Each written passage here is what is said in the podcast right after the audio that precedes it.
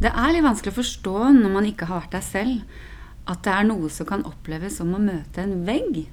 At man plutselig bare en dag ikke orker å stå opp og gå på jobb. Og bare det å komme seg ut kan være en utfordring. Kroppen sier bare stopp. Hva gjør man da? Og kan det ramme rett og slett hvem som helst, når som helst? I dag tar jeg en prat med min tidligere kollega i Gensia, Gro, som har opplevd nettopp dette her, å møte veggen. Vær så god. Her er Gro.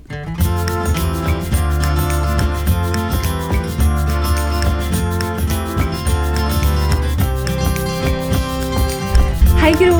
Hallo! Velkommen, og takk for at du kom. Jo, tusen takk for at jeg fikk lov å komme. Dette er jo eh, en litt eh, tøff sak. Det er jo et eh, tungt tema på mange måter.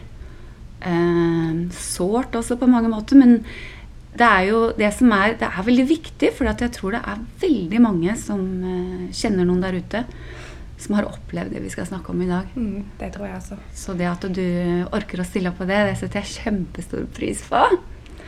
Um, det jeg tenkte vi kunne begynne med, er å starte litt helt fra, fra starten av hva kan du, Går det an å beskrive egentlig det, som, det første du kjente på Mm. når du skjønte at ting ikke var helt som det skulle? Mm. Det er jo egentlig en veldig lang prosess, som du eh, nevner. Eh, og eh, i en hektisk hverdag så er jo det vanskelig å kanskje kjenne på de signalene som kroppen gir en om at kanskje du bør roe litt ned. Eh, og kroppen min hadde nok gitt meg en del signaler egentlig i lang tid. Og jeg har lurt på i det siste om han kanskje hadde gitt meg signaler i flere år som jeg ikke eh, Eller som jeg overså, da. Eh, men så var det da en eh, tidlig mai i morgen. Det var faktisk eh, to dager før 17. mai. Jeg hadde strøket bunadsskjorta, og bunaden hang klar. Eh, og så våkna jeg da 15. mai og klarte ikke å komme meg ut av senga. Og tenkte sånn Men i alle dager, hva skjer nå? Eh, jeg ålte meg fram på badet, eh, og så fikk jeg en litt sånn panikkanfall. Fordi jeg kjente ikke meg sjøl igjen. Jeg fikk en sånn følelse inni meg av at eh, eh, Hva skjer nå? Nå, nå? nå faller jeg fra hverandre. Eh, og så ålte jeg meg tilbake igjen til, til senga, og der ble jeg faktisk liggende i de neste fire-fem ukene. Oi, så skremmende. Og det er jo litt skummelt når man eh, har barn alene, og man har en Mm. jobb, og man eh, har en hverdag som eh, plutselig eh, falt i grus. da. Mm. Så det var sånn det starta. Eh, og da gikk jo det ganske mange tanker gjennom mitt hode i forhold Mm. til Jeg forsto jo ikke det da, hva det var som var skjedd. Eh, og jeg forsto heller ikke sammenhengen med at hadde kroppen gitt meg signaler i Mm. forveien? Eh, og hva var det som gjorde at eh, den smellen eller den følelsen eller det som skjedde den morgenen, Mm. skjedde akkurat da? Ja, det har er spørsmål. Vet du hva, jeg leste meg opp eh, Det, det, det er funny du sier noe. Jeg leste meg litt opp her i går. Googla litt og, og jeg fikk en bok av søstera mi blant annet der. Og, men den er jo ikke akkurat på det å møte veggen, men jeg tror at det å møte veggen det er jo så mye. Det kan ha flere årsaker. Og, og denne boka her handla om depresjon, og, den, og den går på det at det ofte er både depresjon og angst og en del ting under den samme paraplyen. Det har et utspring i en eller annen krise. Men selvfølgelig, det kan være mange andre årsaker. Men tenker du at det er et eller annet type en, Altså en krise. Det kan være sånn som eh, f.eks. Eh, at noen dør rundt deg, at det er et eller annet voldsomt som har skjedd i livet, et samlivsoppbrudd. Eh, ja, alle slags sånne kriser som kan skje i livet, som kan utlyse, eh, utløse sånne type følelser. Da. Mm. Jeg tror jo egentlig at uh, hjernen uh, har en sentral rolle i dette her, og den har Ja. nok gitt eh, klare signaler til kroppen over tid som jeg ikke hadde hørt på. Mm. Eh, og i forhold til den hektiske hverdagen man har, Mm. så eh, er det veldig lett eh, å glemme å ta vare på seg sjøl. Mm. Og jeg tror veldig mye av den krisen som du er inne på, da, handler veldig mye, i mitt tilfelle, at jeg hadde glemt å ta vare på meg sjøl. Den egenomsorgen, den egenkjærligheten. eh, de behovene som jeg hadde som person, Mhm. hadde blitt eh, eh, jeg håper å si nedstemt over tid. Og er jo en veldig eh, positiv person og elsker jo å yte service for andre. Visst er det det. Det er, sånn, det er det du er kjent for. Ja, eh, og det har betydd så utrolig mye for meg å Mm. stille opp for alle andre at eh, sikkert over mange år da, så har kroppen på en måte vært eh, underernært på den egenkjærligheten. Mm. Og jeg syns egentlig det er litt vanskelig å si, fordi dette med å liksom Det må jo være lett å kjenne på egne behov og det man har behov for, men det er faktisk ikke så lett når man eh, Nei, er er veldig den eh, serviceinnstilte, ytende personen. Mm. Og så er jo det sånn at hjernen den takler stress i korte perioder. Mm. Eh, da fungerer hjernen sånn som den skal. Men hvis det blir en overbelastning Mm. i hjernen, så er det akkurat som på en måte bare kapitulerer og sier eh, 'nå er nok nok'. Eh, og den kan nok komme ganske overraskende når Mm. eh, den først kommer. Det, det er skikkelig skummelt. Og du klarte faktisk ikke å stå på beina. Du måtte liksom åle deg inn i, i senga. Jeg syns det høres superskremmende ut. Ja. Men ta litt mer om den dagen da. Hva, var, hva sa, hvordan reagerte sønnen din da? Nei, eh, han ble egentlig ganske redd. Fordi han har jo aldri sett meg i en sånn Nei, eh, klart. situasjon. Eh, så jeg fikk jo sendt han på skolen, og jeg fikk sendt han i 17. mai-toget, og jeg var jo Mm. hjemme. Og så eh, prøvde jeg å ha en dialog med han om det, Mm. men han er tolv år, eh, og han forstår ikke eh, hva som skjer i kroppen når man blir Nei.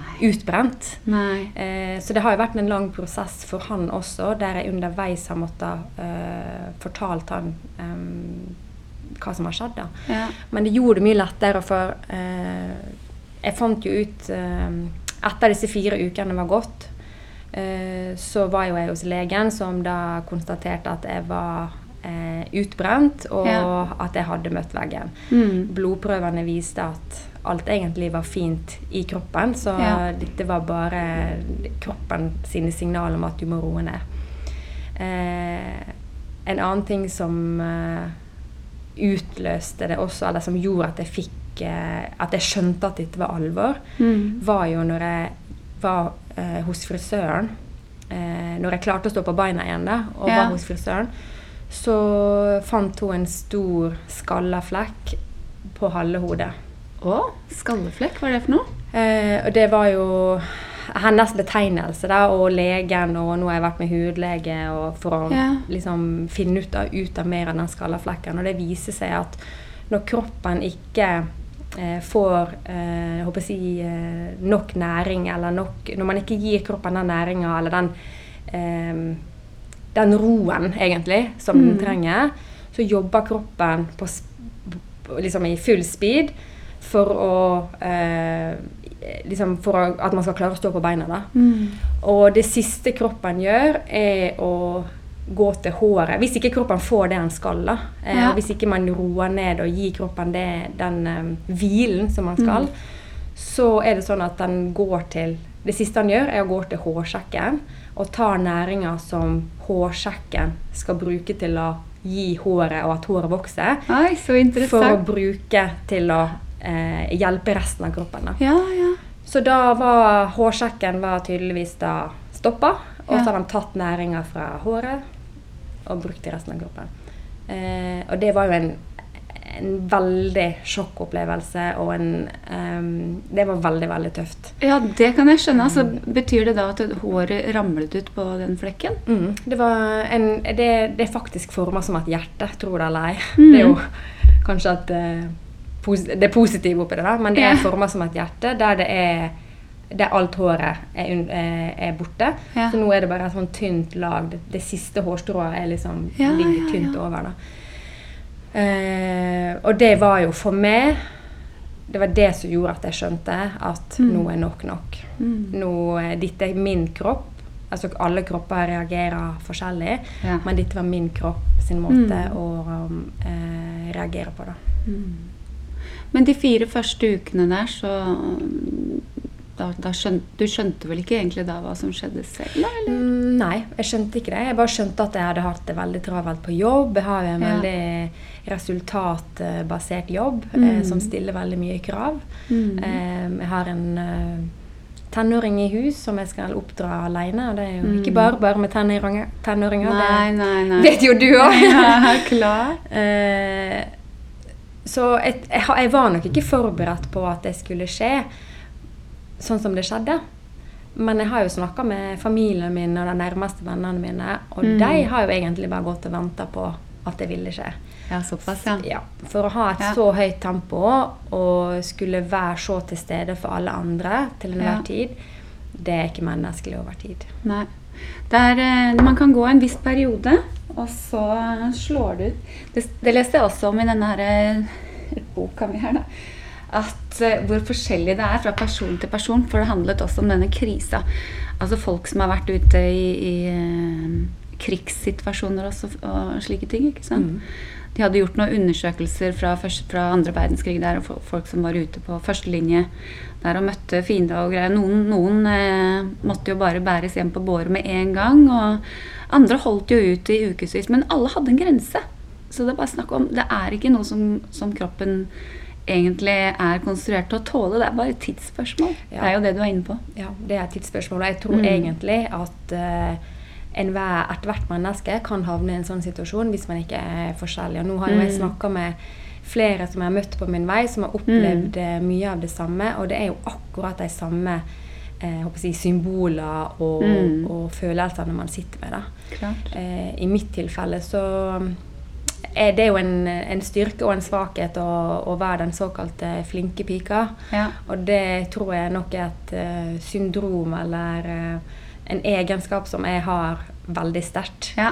Eh, og så har det vært veldig viktig for meg å eh, prestere på et Ja. veldig høyt nivå.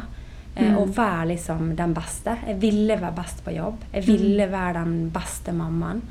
Eh, jeg ville liksom stille opp for alle venninnene mine, sånn at alle Mm. kunne si liksom, Gro er jo liksom, hun er, står alltid på. Mm. Men jeg innser jo nå i ettertid at av og til så er faktisk eh, 80 godt nok. Ja, ja, ja. Om det gjelder jobb, eller om det gjelder mammaroller, eller livet generelt. Ja. At man, eh, jeg tror ingen klarer å gå gjennom livet og prestere 100% over til enhver tid. Nei, men jeg skjønner akkurat hva du mener, for man har jo lyst. Så lenge man har lyst, så man, så glemmer man å tenke på at eh, selv om du har lyst, så er det greit å være litt selektiv eh, av og til òg. ja, nei, det der eh, det har du, du har nok veldig rett i det du sier der. Og det er mange som kjenner seg igjen, det er jeg helt sikker på. Ja. Men hva slags hjelp var det du fikk? Altså Først gikk du til fastlegen og fikk konstatert situasjonen. Mm. Hva, hvordan gikk veien videre da? Hva slags hjelp, hva slags tilbud var det du fikk?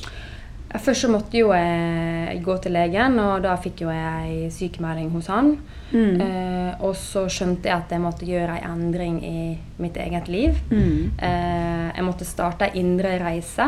Eh, egentlig en reise som jeg i utgangspunktet aldri trodde jeg måtte begi meg ut på. Eh, kroppen den hadde stagnert, og jeg måtte faktisk begynne å ta nye valg eh, på hvordan jeg skulle leve livet mitt, og Mm. hva jeg skulle prioritere. Eh, jeg måtte finne tilbake til det som er grunnleggende av søvn og kosthold og hvile. Eh, og kanskje aller viktigst gode og de riktige mennesker rundt meg. Mm. Og så fikk jeg eh, tilbud om en eh, psykolog Mm. som jeg begynte med. Og det er jo alltid litt interessant å begynne med en psykolog, fordi veldig ofte så handler det om eh, å ha en god personkjemi hos Mm. den psykologen man treffer. Mm. Eh, og jeg var veldig heldig og fikk ei dame som jeg følte forsto meg helt fra begynnelse. Eh, og jeg kom dit fordi jeg var utbrent, og fordi jeg trengte hjelp til å komme ut av den negative spiralen. Mm. Eh, men hun, psykologen hun var jo litt opptatt av å grave litt i fortida mi, da, Mm. for å se om det var ting som, kunne ha, som jeg hadde opplevd i fortida, som kanskje også var med på å Mm. skape den personen du var blitt i dag, og som også kanskje har en finger med i spillet i forhold til det som skjedde. Mm. Og så har jeg gått med henne i, i tre-fire måneder. Ja. med hjelp. Er det tøft, eller kom det, ting på bordet der som gjør ja, at det er tøft. Det har vært mange tårevåte samtaler og Mm. ting som har kommet opp som jeg aldri hadde trodd skulle komme opp i den settingen her. Mm. Eh, men det er jo ting som skjer i fortida, og ting som skjer i nåtiden, og mange ting man blir påvirka av da, Mm. underveis. Eh, så hun ville jo egentlig bare lage en eh, rød tråd da, fra Ja. egentlig livet mitt. Eh, Mm. ups and downs og opplevelser. Og eh, hun ville finne ut eh, hvorfor jeg var så veldig opptatt av å være så flink pike. Mm. Eh, hvorfor ikke kunne nøye meg med den 80% og leve litt i harmoni med meg sjøl. Mm. Hvorfor er det så viktig å være den beste til enhver tid? Mm. Syns du du fikk svar på de spørsmålene da, med å grave litt i, i barndom og i fortid? Og Mm. Syns du du så sammenhengen? Ja, jeg gjorde det. Og det er jo en kanskje sammenheng jeg ikke hadde sett for meg på forhånd. Men jeg fikk Mm. eh, kategorisert det litt. Eh, og satt ting litt i system. Eh, og fikk en del ting å jobbe med. Og det handla jo veldig mye om eh, å ha troa på seg sjøl, selv om man ikke nødvendigvis trenger å kjøre i femte gir hele tida. At av og til så er det greit at man kjører i tredje gir.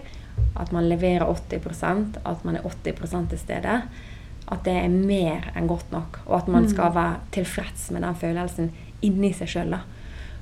Eh, og så har jeg lært veldig mye med psykologen at eh, det begynner alltid med deg sjøl. Du må alltid starte den prosessen med deg sjøl. Og gå i det sjøl og finne ut hva kan jeg gjøre for at jeg kan gi meg sjøl mer kjærlighet og omsorg. Mm. For gir jeg meg sjøl den omsorgen, så vil jeg også kunne yte bedre der Mm. ute.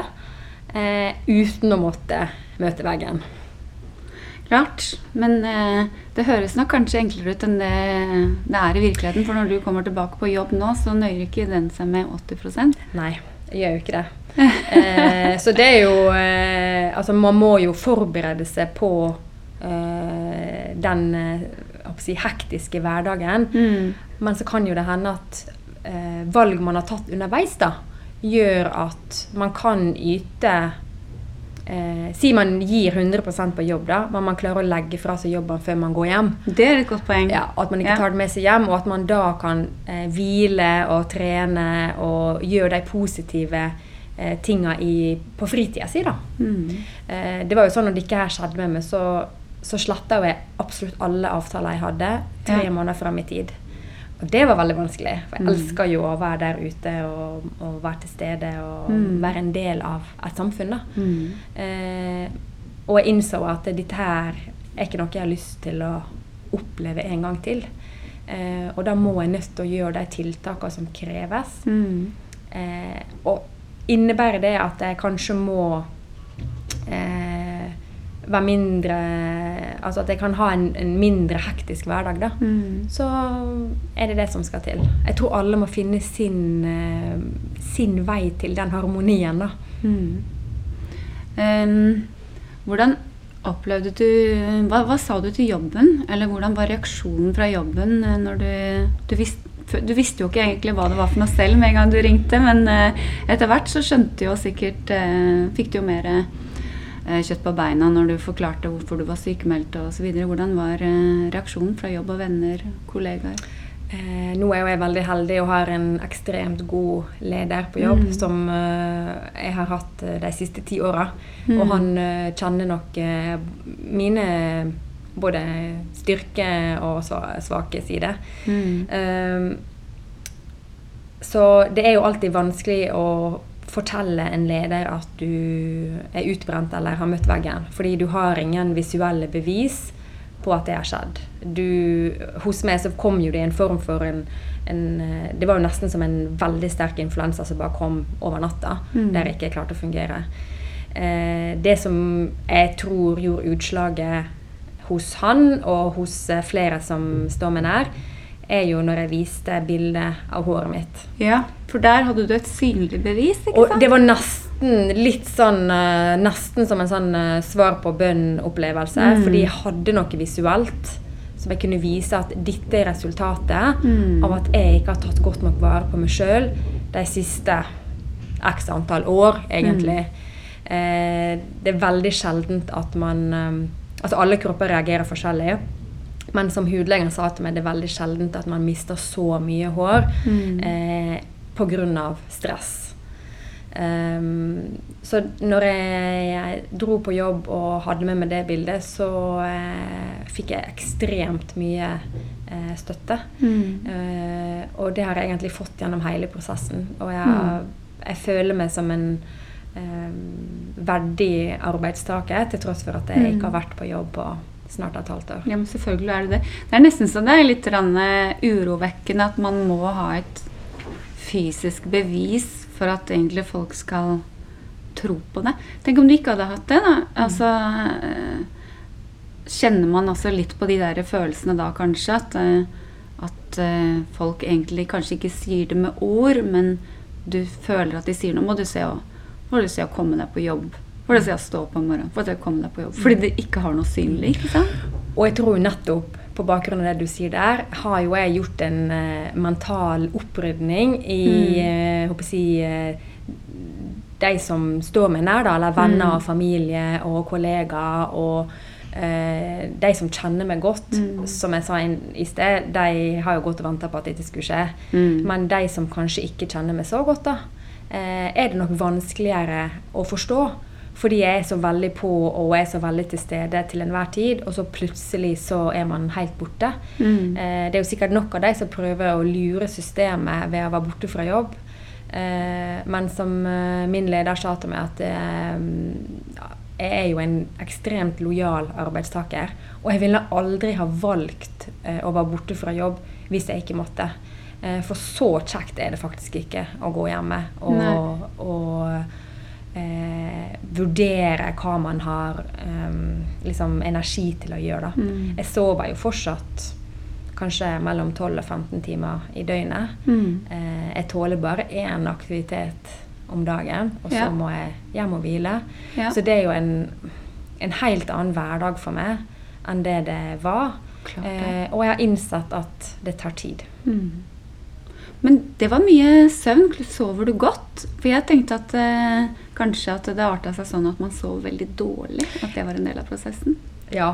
Eh, jeg sliter med å sovne om kvelden. Ja. Eh, så jeg sover jo Jeg sovner ganske seint, og så må jeg stå opp for å sende sønnen min på skolen, og så går jeg gjerne og legger meg et Ja. par timer etterpå. Så det hviler egentlig kanskje mer vi Ja, det er kanskje mer Nå er det mer hvile. Ja. Disse fire første ukene, da, det var søvn. For Ja. da følte jeg at da var kroppen sikkert så underernært på det meste at, Ja. eh, at han trengte å hentes litt inn. Mens nå er det mer hvile.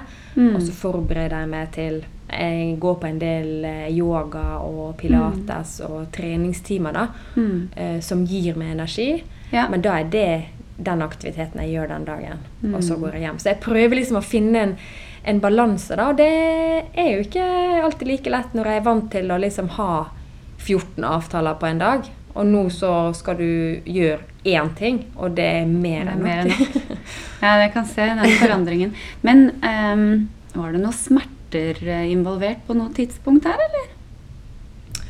Nei, ikke sånn fysisk eh, smerte. Faktisk ikke.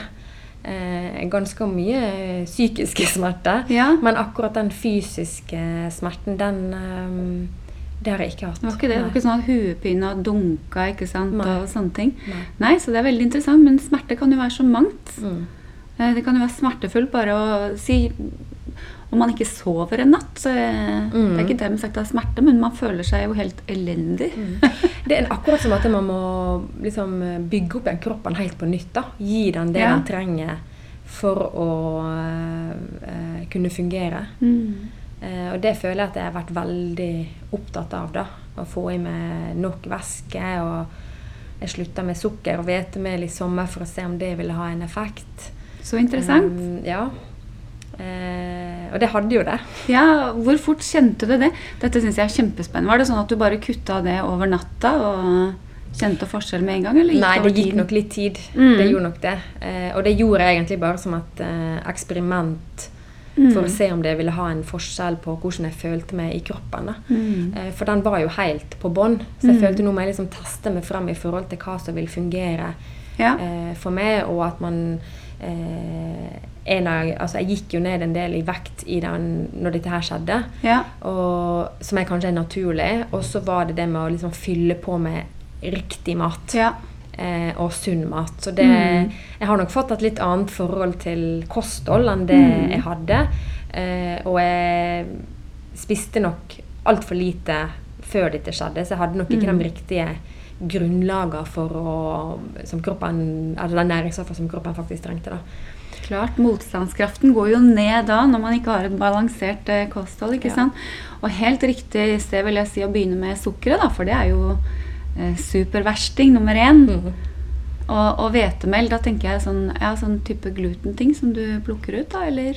Ja, eller jeg, jeg var nok ikke sånn superstreng, men jeg kutta ut en del eh, eh, brødmat og eh, Ja. f altså fint brød, da. Ja. Ja. Tomme Eh, ja. karbohydrater. ja. Og, og eh, erstatta det egentlig mer med veldig mye grønt og eh, grønt, altså salat og proteiner, da. Mm, Ja. mm. Og Og hvordan eh, kjente du Hvordan reagerte kroppen da? Eh, egentlig så, så bare kjentes det godt. Mm. Eh, kroppen var jo egentlig så nedkjørt i utgangspunktet at eh, alle disse tingene jeg gjorde i starten, var jo med for å teste hva vil gi, altså hva vil gi meg riktig energi. da. Mm. Hvordan vil jeg føle meg, Hva må jeg spise for at jeg skal føle meg vel? Mm. Og at jeg spiser nok. Og at Mm. det er det som har vært problemet mitt. da, At jeg ikke har spist nok. Mm. Hva kan jeg spise mye av eh, som er bra? Mm. Og det har jo vært inne alt det grønne og disse proteinene som eh, jeg innså fort at hjalp meg veldig, da. Mm. Ja, ja, bra. Ja, og sånn med fordøyelse og søvn og alt dette her også kan jo fort bli påvirket av eh, Ja. en sånn type endring av kostholdet. da. Ja. Fordi det er mye lettere for kroppen å fordøye den type mat enn Mm. eh, en tung pasta Mm. og så videre. Mm. Så det høres veldig bra ut. ja. Det er jo litt av eh, kraften og styrken i å, å ta vare på seg sjøl. Eh, både det med søvn og med kosthold. Mm. Det er jo det. Ja, det høres virkelig som du er skikkelig på rett vei. Og det med det du sa om eh, ja, med, nei, meditasjon nevnte du ikke, men du nevnte yoga Mm. og pilates. Mm. Det er jo en sånn type trening som går både fysisk og mentalt. Det Mm. høres veldig riktig ut. Det har vært eh, litt utfordring akkurat den type treningsform. For jeg er vant til eh, høye kneløft og Ja, eh, ikke power sant? step eh, flere Fysisk, ganger i uka. ja. og liksom at du skikkelig svetter og er på en måte Det, det renner. Ja. Eh, til å gå til en mer sånn harmonisk, rolig yogaform der eh, der liksom pusten er ankeret, da. Mm. Og du leter egentlig etter det pusteankeret gjennom Mm. hele den timen. Eh, men fy søren for en effekt det har hatt Mm. på meg. Mm. Det, det hadde jeg aldri trodd. Jeg får litt sånn frysninger av å si det. Ja. Fordi eh, det Jeg tenkte sånn Yoga må jo være det kjedeligste i hele verden. Men når jeg først liksom kommer inn dit og lukter verden ute Nå handler det bare om meg og den matta og min pust og det han sier til meg. Mm. Og det har vært eh, altså nesten like mye medisin som det kostholdet og søvn og det andre. da. Ja. Så det tror jeg nesten jeg bare må fortsette med. Ja, ja, klart. Hvis du Eh. klarer å finne den roen jeg, jeg prøver meg også på det sånn av og til, og jeg syns det er så stor forskjell når jeg klarer å finne roen eller ikke. For jeg syns det er litt vanskelig Ja. noen ganger. Særlig hvis øynene for eksempel, bare dirrer og dirrer. Og jeg syns nesten jeg blir mer sliten enn enn om jeg ikke hadde vært der. Når du ikke klarer å finne den roen. Så det er en slags teknikk Ja. som du kanskje finner ut av etter hvert. Det der med hvordan man klarer å finne den roen. Ja, Ja, det tror jeg er veldig individuelt. Og så Mm. tror jeg det for min del har det vært veldig vanskelig, fordi jeg har alltid så mange tanker. Ja, det er det som bare durer rundt der. Og de som bare prøver å legge dem fra seg i garderoben før Ja. man går inn. Eh, og så blir man påminnet der inne ganske mange ganger. Mm. Men jeg merker at jeg hopper tilbake til de tankene veldig ofte. Ja. Det er nesten en sånn læringsprosess og veldig sånn mental prosess. Ja.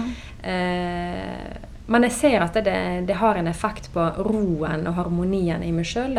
Ja. Eh, og så har jeg også prøvd å gjøre eh, meditasjon og lest en del bøker om mindfulness ja.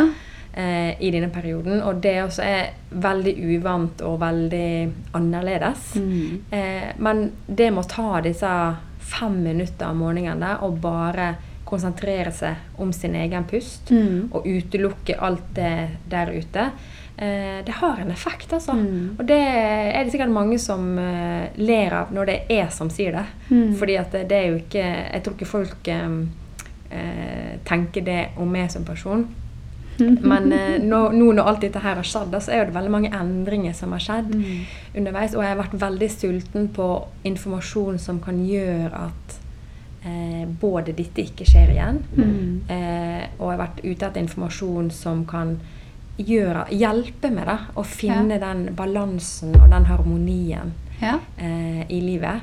Eh, og så brenner jo jeg veldig for å eh, advare andre om, om det samme, da. ja. Eh, for det er ikke verdt det. Og det som skjedde Det er ikke verdt å pushe seg over den Nei. grensa, nei. Men Nei. du vet, folk kjenner jo ikke verken hva som kommer eller hvor den grensa er. Men når vi er inne på det, hva slags signaler er det man skal kjenne etter? Jeg tror hvis man klarer eh, å kjenne de signalene Altså at kroppen er sliten, at man føler seg trøtt, at man eh, eh, egentlig i, går på halv maskin da, eh, over lang tid. Eh, Mm. ja, for alle gjør det jo av og til. Ja, og at man ignorerer at man Kanskje man føler at man burde vært hjemme den kvelden, men man går ut allikevel fordi man har jo lovt at man skal gjøre det. Mm. Eller man drar på jobb, og så er man litt Kanskje man burde ha tatt en, en dag hjemme. For Mm. jeg tror det skal veldig lite til Mm. i forhold til å forebygge hvis man kjenner Mm. kroppen sin og kjenner disse signalene som kommer, enn at man, sånn som jeg gjorde, jeg bare overså det. For det var Mm. viktigere for meg å komme på jobb og prestere på jobb og være til stede på jobb, enn det var å faktisk kanskje ta en fot i bakken og hvile Mm. seg. Eh, og så Jeg vet ikke om det er forskjell på kvinner og menn, men jeg føler at menn ofte er litt flinkere til å legge ting fra seg. Mm. Eh, de, er til stede, de er til stede in the moment, Mm. der de er. Og så når de er et annet sted, så tenker ikke man på det man gjorde før. Da er man til stede der man er. Ja, det er mindfulness. Det er den, det det handler om. Det tror jeg du har rett i. At Mm. eh, vi jenter er litt dårligere på det, rett og Ja, slett. jeg- ja Ofte. Um, ofte ser vi det. Så jeg beundrer liksom de mennene som på en måte er Man kan jo ofte oppleve en del Kanskje både menn og kvinner som litt egoistiske da, Mm. ved å være sånn, men jeg tror det gagner en sjøl Mm. veldig mye mer hvis man kan finne den balansen med å være til stede der man er. Mm. Fordi man får ikke endra situasjonen, en annen situasjon, uansett.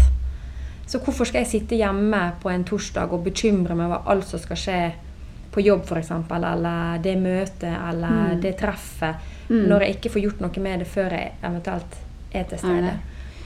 Nei, men det er dette her med tankene som surrer og går. ikke sant? Når du skal legge deg om kvelden, og så, og så for, En ting er at det er så meningsløst. Da har du kanskje gjennomført noe dagen før et møte, et eller annet, og så tenker du på hva du egentlig skulle ha sagt, som du ikke fikk sagt. Mm. Og så driver de og terroriserer deg Mm. gjennom natta. Det er jo helt meningsløst. Mm. Istedenfor å bare børste det av seg, Mm. få seg en god natts søvn Mm. og, og gå videre. Jeg har jo slitt en del med eh, Jeg kan sende en tekstmelding til noen, og hvis jeg ikke får svar da, Mm. på den tekstmeldinga, så kan jeg lage mine egne fantasier og svar i hodet mitt på Ja. Å nei, jeg sa sikkert noe til den personen forrige gang jeg Mm. møtte henne, så nå er hun sikkert litt bitter på meg. Ja. Altså, har nu, altså det, det er egentlig ingenting som tilsier at det er tilfellet. Men i hodet mitt så kan jeg på en måte Å nei, har jeg skuffa den personen? Eller har jeg vært veldig redd for å skuffe andre, eller å Mm. ikke eh, nå opp til andre sine krav til meg? da. Men Ja. de krava, de setter jo man bare sjøl. Mm. Det er jo ingen andre som, som setter de krava. Og dette har jeg sagt til et par venninner som jeg har følt Som jeg liksom har testa det litt på. det. Ja. Og de sa ja, men du, jeg har jo vært kjempebusy på jobb, og jeg, liksom, jeg så meldinga di, og så glemte jeg helt av det. For sånn er det jo. For sånn er det, og sånn Ja. er jo jeg sjøl også. Mm. Så det er jo ikke noe at andre sånn, men det er veldig små ting som kan gjøre at jeg vipper av pinnen. Og det er Mm. de, jeg har begynt i det små, da. Å prøve å endre på disse tinga. Mm. Som på en måte ikke bruk så mye energi på ting du ikke får gjort noe med. Det har psykologene brukt veldig mye tid på. Fokuser, Bruk den energien på deg sjøl. Mm. Det høres jo helt riktig ut. Altså, hvordan, eh, det, det er jo så vanskelig å, å få time hos psykolog, er det ikke det? Gikk Mm. den prosessen greit? Fikk du det kjapt? Eller? Ja, jeg var egentlig veldig heldig fordi min sønn eh, var inne i BUP-systemet. Å ja, så du Eh, så fikk de skjønte at eh, Eller de skjønte, ja, de skjønte underveis at eh, ting ikke sto helt bra til med meg. Mm. eh, og anbefalte meg Jeg fikk en anbefaling, en henvisning Mm. fra dem som gjorde Perfekt. at eh, prosessen min gikk mye ryddigere, da, og, eller fortere. Mm. Så det er jo veldig takknemlig, for jeg vet jo at skal man gå privat, så koster jo det en del kroner. Det det skal man eh, gå en del ganger, og Mm. skal man gå offentlig, så må man ofte stå i kø veldig lenge. Så Ja. eh, altså Hell i uhell, egentlig, det at Mm. den hjelpa som jeg fikk, eller får, den, eh, den eh, slapp jeg å jobbe så veldig mye for, da. Mm. Får sønnen din også oppfølging av psykolog, eller? Ja, han gjør det. Eh, men det er jo av litt andre årsaker, da. Ja. Han har litt utfordring på skolen med konsentrasjon, eh, som bunner i en vond skilsmisse som jeg hadde for Mm. noen år siden. Mm. Som eh, også man ikke skal se bort ifra at det eh, har en finger med i spillet i forhold Mm. til min prosess, da. Ja, alt, alt henger jo sammen. Alt når alt sammen, kommer til alt. og det er en rød tråd. Så min viktigste oppgave eh, nå, eller den prosessen jeg er i, har jo vært å eh, faktisk gi meg sjøl den egenomsorgen som jeg fortjener. Mm. Uh, sånn at jeg kan hjelpe han også. Ja. Det er jo uh, det er, nok, det er jo en grunn til at uh, flyvertinnene sier på flyet at ta på deg egen maske først, før du Mm. hjelper barnet. Godt eksempel. Ja, og jeg får litt sånn frysninger når jeg sier det, for jeg har aldri tenkt på det før dette skjedde med meg. Mm. Men jeg ser jo det at det har jo Altså, jeg kan ikke hjelpe han før jeg hjelper meg sjøl. Eh, og det er jo den lille familien eh, vi er, så er jo det jeg og han. Og Mm. da er jo han det viktigste for meg. Mm. Eh, og han kommer før både jobb og eh, familie Altså, han er jo familie, men venninne og andre Mm. ting som måtte banke på døra, da. Klart det er riktig å få den eh, prioriteringspyramiden der til Ja. å bli riktig. Men tenk hvis Altså, det er jo ikke alle som har like flaks med det å, å komme inn i systemet. Å få en psykolog, hva, hva ville du anbefalt eh, hvis man kjenner på disse tingene her og ikke har tilgang til psykolog? Da? Er det noe man kan gjøre selv som er virkningsfullt eh, på samme måte? Uh, ja, hvis man ikke går den runden med å gå til fastlegen og stille seg i den eh, psykologkøa eh, offentlig Mm. som kan ta tid, eh, så ville jo jeg først ha begynt med de enkle eh, meditasjon, kanskje. Mm. Eller den eh, mindfulness. Men da må man på en måte være interessert i det, da. Mm. Eh, og hvis man ikke er det, så er det en ganske vanskelig oppgave å ta tak i. Mm. Eh, å finne ut hvordan man puster, og finne sitt eget pusteanker og alt dette her. Er Ja, det måte, det, er jo alle som det er, jo, det er jo vanskelig for vi som er interessert i det. Ja. Eh, men jeg tror på en måte en anbefaling av det Det er jo veldig mange som ønsker å gå til psykolog, og jeg har faktisk snakka med flere som eh, lurer på hva vei de skal gå, da, hva jeg anbefaler. Og jeg hadde nok eh, Jeg hadde nok egentlig anbefalt å sette meg på den lista hos fastlegen hvis man ikke vil prøve ulike metoder Mm. hjemme sjøl. Mm. Eh, Både i form av meditasjon, mindfulness, yoga, pilates. Disse her eh, rolige treningsformene da, som Mm. hvis du vil, hvis du virkelig vil, så vil det ha en effekt. Ja, men du skal ha litt eh, overskudd til å ta tak i nye ting òg. Ja. Er, er det ikke litt sånn, i hvert fall i første perioden, at eh, det, er, det er ikke energi du har mest av da til å sette deg inn i nye ting. Det er vel bare en kamp om å holde huet over vannet, kan jeg tenke meg. Ja, og så tror jeg også det Hvis man ikke har den psykologen, så tror jeg kanskje hvis man har en person man stoler veldig på, da, Ja. eh, og sier at du, jeg har en del ting jeg ønsker å formidle, men jeg vil at du bare skal lytte. Jeg vil Mm. ikke ha dine eh, nødvendigvis råd, Råd. og anbefaling, men jeg trenger bare å få liksom eh, lagt det på bordet. Ja. Eh, det gjorde jeg også i starten. Eh, og så har jeg vært veldig fan av å Jeg har en egen bok som jeg har skrevet ned eh, tanker og følelser. ja. Eh, og jeg merker at hvis man skriver det med penn og papir, at man får liksom følelsen litt sånn ut av kroppen og ned på Mm. papiret. Ja da. Eh, det høres jo litt rart ut, men det, det sies at det, det kan ha en effekt, og det opplever jeg at jeg har det. Så kan jeg gå tilbake til mine egne notater og se hva jeg opplevde sånn og sånn. Mm. Men det er jo hvis man ikke har energi og man er helt på bunn, sånn som jeg var disse fire første ukene, så eh, er jo det veldig tungt Mm. å ta tak i det. Eh, det letteste da er jo å finne ei veldig god venninne å snakke med, Mm. som en start. Det tror jeg nok. Eller en søster, eller, eller Ja. hvem som helst da, sånn som eh, har tid til å lytte. Ja, jeg skjønner hva du mener. Det, er, eh, det kan være faktisk fryktelig slitsomt det at eh, du, du har et problem, og alle skal liksom løse problemet for deg, fortelle deg hva du skal gjøre, for de kan ikke kjenne hvordan det er oppi ditt hode. Nei, og så Eller tror jeg det er veldig annerledes å øh, øh, liksom å lese om noen som har blitt utbrent eller møtt veggen eller utmatta og dette her. Men det er veldig annerledes å føle det på kroppen. Mm. Så jeg er jo veldig glad ofte når jeg tilfeldigvis møter andre som har opplevd det samme. Mm. For den forståelsen jeg får hos den personen, er en Mm. helt annen enn den forståelsen jeg får hos noen Mm. som ikke har opplevd det. Naturlig nok. Mm. Fordi man sitter ikke med den samme eh, psykiske følelsen rundt det. Og eh, det er nok ganske mye tyngre enn det man skulle tro. Mm. Eh, men det positive er jo at det finnes eh, hjelp, og det finnes Mm. muligheter til å komme ut av det. Men man må ta tak i det sjøl. Mm. Klart. Det er jo liksom ikke et tema som, eh, som man snakker om på en hvilken som helst fest eller på, over kaffen eh, på jobben heller. Det er jo ganske dypt tema. og Når jeg tenker over det, så det er jo trist at vi ikke er flinkere å prate om sånne Mm. type temaer eh, med hverandre, egentlig. fordi at eh, det, det gjelder jo så mange. Og psyken er jo sårbar, ikke sant? Så jeg vil tro at de aller fleste gjennom livet eh, kjenner på ting som type møte veggen, ja, depresjoner, angst. Du skal være eh, ganske spesiell person hvis du ikke møter noen av disse tingene her gjennom et liv, altså. Vi lever jo i et ganske prestisjesamfunn. Ja. jeg har akkurat lest en bok om akkurat det. Man skal ha den beste jobben, og man skal kjøre den fineste bilen, og man skal lage mat fra bunnen av, og man skal ha barn som går på fire-fem aktiviteter i uka. Mm. og det er liksom, Denne bobla blir bare større og større. Man skal gå i Mm. merkeklær, og barna skal gå eh, Bursdagsgavene skal Altså alt har blitt mye, mye eh, større. Altså det Mm. materialistiske i livet da har vokst noe helt ekstremt, syns jeg. Mm. At eh, hvis man tar to steg tilbake på utsida og ser inn, så får man Mm. egentlig litt sjokk.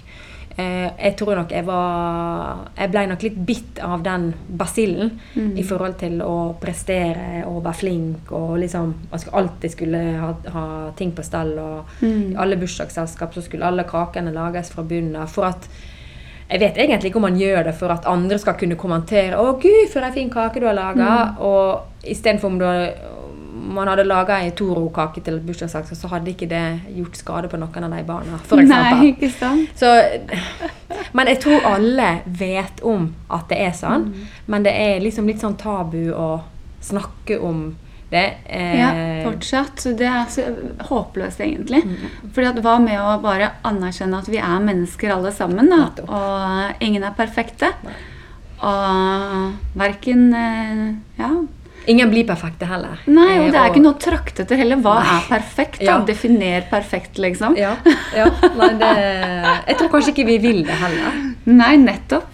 Så, nettopp så sånn sett så føler jo jeg at jeg har fått et skikkelig slag i trynet. Mm. Men eh, jeg har våkna da, og Mm. sett at eh, livet handler om litt andre ting enn å ha et mål om å være perfekt. Mm. Eller best. Så hva tenker du når du eh, kommer tilbake på jobben nå? Vi er jo vant på jobben til at, eh, vi ser deg med et stort smil og alt i overskudd. Og når jeg kommer med alle mine hårreisende forslag om filmer vi skal lage og alt, så er det første, den første som melder seg som skuespiller, er Gro. Ja. Og, hva slags person er det som kommer tilbake på jobb nå, Gro? Jeg er usikker på om det blir en skuespiller. uh, men vi har hatt det veldig gøy, da. Ja, vi har hatt det veldig Ja. gøy, Gro. Eh, nei, vet du hva? Jeg har faktisk uh, tenkt mye på akkurat det du spør om. Fordi, uh, litt fordi at det er sånn folk kjenner meg, og litt fordi jeg vil ikke at folk skal kjenne meg som en annen. Jeg er jo, personligheten min er jo veldig positiv, og jeg syns det er vanskelig å være noe annet der ute. Mm. Eh, men jeg har egentlig bestemt meg for at når den tid kommer, så skal jeg heller spille med åpne kort og fortelle hva det var som egentlig skjedde, til de som spør, og de som lurer. Eh, og det gjør jeg fordi eh, Egentlig for å forebygge at det skjer hos andre.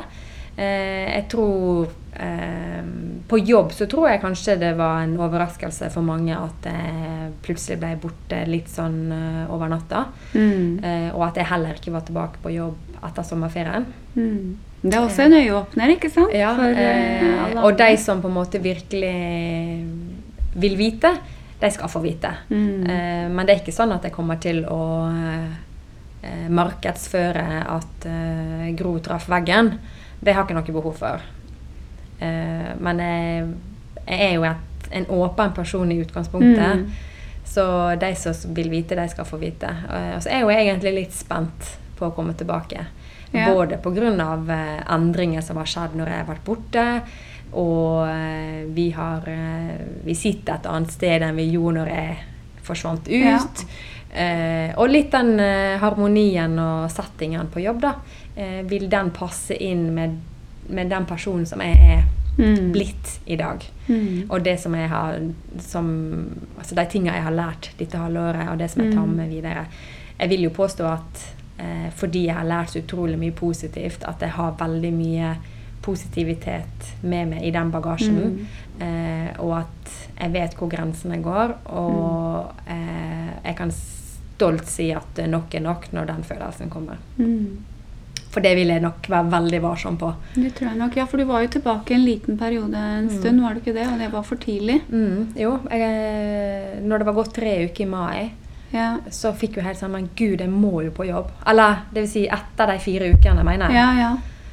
Eh, og liksom ting gikk seg litt til, trodde jeg, da. Ja. Så tvang jeg meg sjøl tilbake på jobb. Og da var det faktisk en kollega som kom og sa til meg at du hører jo ikke hjemme her nå. Du må Nei, hjem. det var for tidlig. Du Ja. klarte ikke å se det da heller, Nei. Det Nei, og det var rett før det med håret. Oh, ja, ja, det var mellom håret. Og når jeg da gikk til frisøren og så håret, da skjønte jeg Mm. ok, dette ja. er med, mye mer alvorlig enn jeg hadde trodd. Mm. Og jeg har, tanken har streifa om hva hadde skjedd hvis jeg bare hadde dura på da også. Mm. Og det jeg tør jeg nesten ikke å tenke på engang, fordi det tror jeg kunne hatt så utrolig Altså konsekvensen på det tror jeg hadde vært eh, veldig mye verre enn Ja, eh, Det tror jeg har rett. Altså, man hører jo om Mm. en eh, kronisk utmattelse der man aldri kommer seg tilbake i jobb. Mm. Og den tanken er ganske skremmende. Mm. For når man har så li lite kontakt med sin egen kropp, da, at man bare følger hodet og bare durer på, Mm. så eh, kunne det fint ha skjedd. da. Mm. Så jeg var avhengig av at noen andre sa til meg at nå er nok nok. Mm. Før jeg skjønte det sjøl. Mm. Så jeg er takknemlig for de som har stått rundt meg, og som eh, faktisk heier på meg. da. Ja, gode Ja. venner og kollegaer de ser kanskje ting ofte før du ser det selv. det vet du. Ja. Så viktig er det. Ja. Men du har jo også et ganske tøft yrke, da, Gro. Er du helt sikker på at du skal, eh, er det det som er veien din videre? ja, det er jo Jeg har jo vært eh, superselgeren da i Ja, selskapet i det har du. ganske mange år. Mm. Eh, og føler jo på en måte at jeg har eh, eh, opplevd utrolig mye og vunnet en del awards underveis. Og Det liksom du. fått det til, da. Ja. Mm. Eh, så vil jo Altså, jeg syns det er vanskelig å svare på eh, hva som vil være den riktige veien videre. Ja. Noe når jeg fortsatt er liksom i den eh, eh, bobla som jeg er i. Ja, da. Eh, men fordi jeg er veldig i takt med meg sjøl nå, er, veldig, er vel, blitt veldig snill med meg sjøl Mm. eh, og tar vare på meg sjøl. Det var kanskje på tide når jeg snart er 40 år. Men eh, Så jeg tror nok at eh, både magefølelsen vil kunne fortelle meg at eh, ja, dette er riktig, nå er du i, i ny giv, kjør på. Mm. Eller at nå er det på tide å gjøre noe annet. Mm. Så det får tida egentlig vise. Det får tida vise. Ja. Eller følelsen, egentlig. Eh, jeg håper at både hodet, hjertet og magen kan snakke sammen i en sånn eh, Når man er tilbake på jobb og man kan være ærlig med seg sjøl i forhold til de følelsene man sitter Mm. med. Da. Eh, det har jo vært en fantastisk arbeidsgiver som vi Mm. har hatt sammen Ja, det har vi. i så mange år. Ja, ja, ja. Eh, så eh, ja, det blir spennende. ja. Mm. Jeg tror det, det høres veldig riktig ut den veien du er på, i hvert fall. At du har positiviteten eh, i behold. Men som du er inne på selv, du er jo ikke tilbake på jobb ennå, så dette her er ikke over. Nei, og jeg har jo hver uke så tenker jeg og nå er jeg kanskje klar. Ja. nå er jeg kanskje klar. Ikke sant? Eh, og så Parallelt med den tanken så har jeg kanskje gjort for mye. da. Jeg har jo opplevd Ja. i denne prosessen at jeg har lagt for mange planer. Eh, ikke nødvendigvis bevisst, men det kan være eh, kjøre sønnen min på trening, og så Mm. var jeg, tok jeg en kaffe der, og så Altså det skal så lite til før det blir for mye. Mm. At den kjøringa hans Det var egentlig den aktiviteten jeg hadde energi til å gjøre den dagen. Eh, og så sier jo disse psykologene og eh, Jeg går til en annen terapeut også, som er en gestalterapeut. Ja. Eh, og hun også har sagt at eh, det tar lang tid. Når kroppen har vært så langt nede, Mm. og du har blitt sparka omtrent når du ligger nede, så tar det lang tid å bygge den opp igjen. Mm, og jeg begynte på jobb for tidlig første gangen, og jeg er ikke interessert i å gjøre det en gang til. Nei. Og det er jo fordi at jeg skal gagne både arbeidsgiver og meg sjøl. Ja. Eh, at da har jeg virkelig eh, liksom tatt den tida det trenger det. Og de sier at det tar minst seks måneder. Mm. Ja. Og det har jeg bitt tennene sammen og tenkt ok, det gjør sikkert det. Mm. Og så innser jeg at jeg gjør det fordi at kroppen ikke Selv om jeg fungerer normalt i hverdagen nå, Mm. så er det, det er noe helt annet enn å måtte dure på i åtte timer. Mm. Så det er en stor forskjell på å fungere eh, sånn som det er nå, og så en arbeidshverdag. da. Oh, klart det. Så man skal fungere normalt over ganske lang tid før Mm. man er tilbake. Men det er både jeg og min leder helt enige om, så jeg Mm. føler at eh, eh, å spille på lag med både fastlegen og arbeidsgiver, det har vært gull verdt for meg. Mm. Så hva er eh, egentlig Forholder du deg til en dato nå å komme tilbake, eller, er den, er, eller hva sier psykologen? Skal den være uklar ennå? Ja, fastlegen sier at den, vi skal ikke sette noen dato. Nei, ikke sant? Eh, Og jeg var jo veldig sånn Ja, men først i første. da er vi tilbake. eh, så eh, jeg får jo bare sykemelding fire uker av gangen. Mm. Eh, og så er det eh, Tar de hensyn til prosessen underveis og hvordan jeg har hatt det de fire ukene. Og så Mm. forteller fastlegen litt om det som har skjedd hos psykologen. Eh, Ja. Og så er jo selvfølgelig Nav inne i bildet Mm. i en sånn prosess, og de skal jo ha eh, si oppfølging. Ja. Eh, og det har jo de fått av min eh, leder og arbeidsgiver. Mm. Eh, og heldigvis, da, fordi jeg har vært en eh, så lojal og fin arbeidstaker i så mange år, så var jo den oppfølgingsplanen som min leder sendte inn, var jo veldig eh, til mitt forsvar. ja. Eh, og det, vi er helt enige om den prosessen. Da. Det er jo også vanskelig å bevise overfor Nav at man er syk når man er syk på den måten som jeg er. Åh, kjempevanskelig. Jeg tipper at det blir det samme med eh, ME-diagnosen og, og slike ting. Ja. Eh, Man er litt avhengig av å ha apparatet rundt seg i orden. At arbeidsgiver stiller opp for deg. Ja.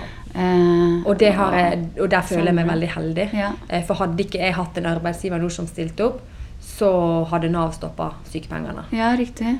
Så det er jo eh, Altså, Nav gjør utrolig mye bra, og vi er kjempeheldige i Norge Ja. som har et sånt organ. Ja, ja, Eh, men når man kommer litt på innsida og får liksom disse her strenge breva sendt i posten Mm. som er det Jeg skjønner at de følger en mal Mm. eh, som de må følge. Mm. Eh, men det føles litt sånn kvast da når man sitter som den pasienten. da, Mm. eh, Som man vet sjøl at man gjør det riktige. Mm. Eh, og at man eh, blir stilt spørsmål til om man er så syk som man skal ha det til. da. Oh, ja, det er, det er der, liksom. Eh, Når du sier krasse brev, er det sånne spørsmål det er da? Er du virkelig Nei, ja, eller, eller Brevet som jeg fikk, var jo at de måtte ha en oppfølgingsplan fra arbeidstaker. Og hvis ikke oh, ja. Jeg kunne gå tilbake i en mindre prosentstilling, eller hvis ikke Ja. arbeidstaker kunne tilrettelegge, så måtte de sende en oppfølgingsplan i forhold til hva var veien videre. Å, ja. Og der har min leder vært ekstremt dyktig og veldig ærlig i forhold til Ja. samtaler som vi har, og hvordan han ser for seg Mm. prosessen videre, eh, der han også vektlegger at hvile og ro er det Mm. som vil gjøre at jeg vil bli frisk nok til å kunne komme tilbake. Ja. Hvis vi bryter det mønsteret for tidlig, så vil ikke det gagne verken Nav-arbeidstaker eller meg, for da vil jo jeg havne på nye seks måneder. Ikke sant? Så det er jo en ond sirkel hvis man Ja. ikke Og det sier jeg til meg sjøl nesten daglig. Mm. For hvis vi ikke gjør det på riktig måte nå, Mm. så kan det fort skje. Selv om ikke jeg tror Nei, men det skjer jo ikke med meg. Ja, det sa jeg første gangen òg. Mm. Og det sa jeg før det smalt i utgangspunktet. Så Nemlig. Ja. Så det er ikke Eh, sånn det fungerer. nei. Og kropp- Viljen hjelper ikke her. Nei, altså, det kroppen altså, man kan være så flink pike man bare vil, Ja. men det hjelper ikke. Ikke sant? Og det har jeg nok nå, etter fire måneder, skjønt. da. Mm. Eh, Så jeg, jeg tar heller en måned for mye enn en måned for lite. Mm. Men i utgangspunktet så er jo det eh, 2019 som på en måte Det er januar som på en måte er i mitt hode. Men så kanskje fastlegen og psykologen her har en annen plan. Og det skal du lytte til. Ja. Gro, dette var masse nyttig informasjon. Jeg har lært masse. Tusen takk for at du stilte opp. Tusen takk for at vi fikk komme. Vi snakkes. Det gjør vi.